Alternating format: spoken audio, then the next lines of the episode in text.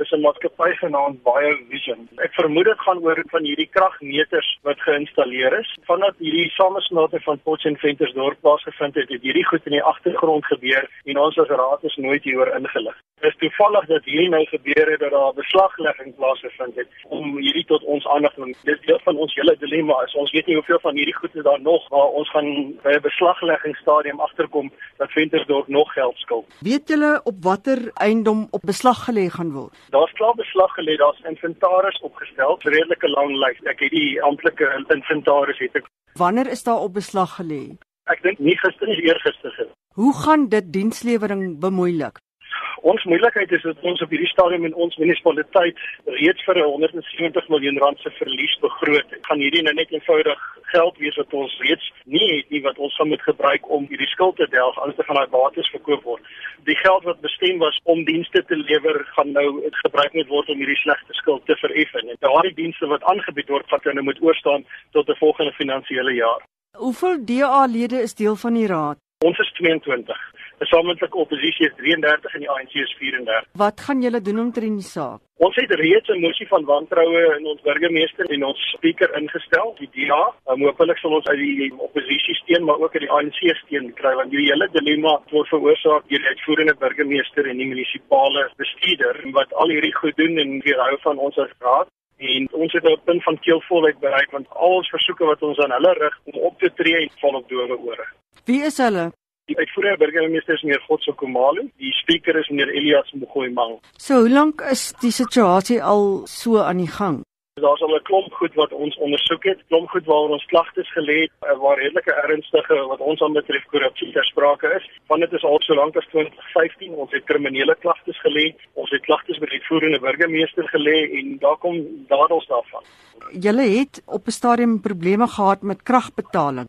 Ons moes vroeër die jaar ingryp Ventersdorp en daai staan omtrent 54 miljoen rand skuld aan Eskom en was Ventersdorp ook een van die munisipaliteite waar hulle krag afgesny sou word. Om dit te oorkom, moes ons toe al die geld wat ons in Ventersdorp gegenereer het van die publiek verdienste, susedeer aan Eskom. Al die geld wat nou geïn word in Ventersdorp tot en met daai 54 miljoen se vereffenis word gebruik om Eskom te betaal. Alle bykomende uitgawes van Ventersdorp word gefinansier uit Potchefstroom uit.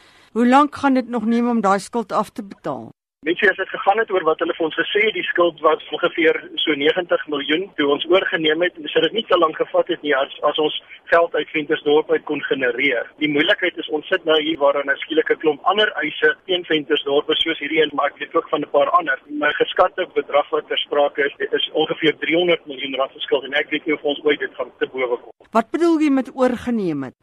Potchefstroom en Ventersdorp munisipaliteite is voor die 2016 plaaslike verkiesing te saamgesmelt. Ons glo dis 'n politieke besluit gewees. Sedertdien het Potchefstroom wat op 'n stadium een van die top munisipaliteite in die land is, is hy besig om oor afgrond bestuur te word. Toe hierdie almal gemaak plaasgevind het, het ons gehoop dat die nasionale en die provinsiale regering sou ingryp en ten minste die agterstand wat in Ventersdorp sou vereffen het. En nou moet die inkomste wat in Potchefstroom en Ventersdorp gegenereer word vir 'n toekomstige verpligtinge wat ons moet nakom, gebruik word om hierdie historiese albatros om ons nek te probeer loskry en, en aan te gaan om om seker te maak dat dienste gelewer word in ons gemeenskap. Hoekom kom daar niks van die strafregtelike ondersoeke teen hierdie twee persone wat jy beskuldig nie? Ons het al deur die parlement laat probeer vra vra hieroor. Ons het self korrespondensie gerig aan die direkteur van openbare vervolging en ons kry eenvoudig ja, daar's twee moontlikhede of die valke het nie die kapasiteit om die klagtes te ondersoek. In die afwesigheid daarvan het ons al die vermoede dat daar politieke inmenging by die hele proses van vervolging is en waar daar verhoed word dat daar teen hierdie persone opgetree word. So wat gaan julle nou onmiddellik doen? Daar was 'n multipartyt vergadering gewees vroeër waar daar besluite geneem is om van waarskynlik oor politieke grense te begin ingryp. Wat die beslaglegging aanbetref, ons deur die media en deur ander bronne verneem dat daar wel vandag 'n aansoek is in die Hooggeregshof Hoog om die vonnis tersyde te stel.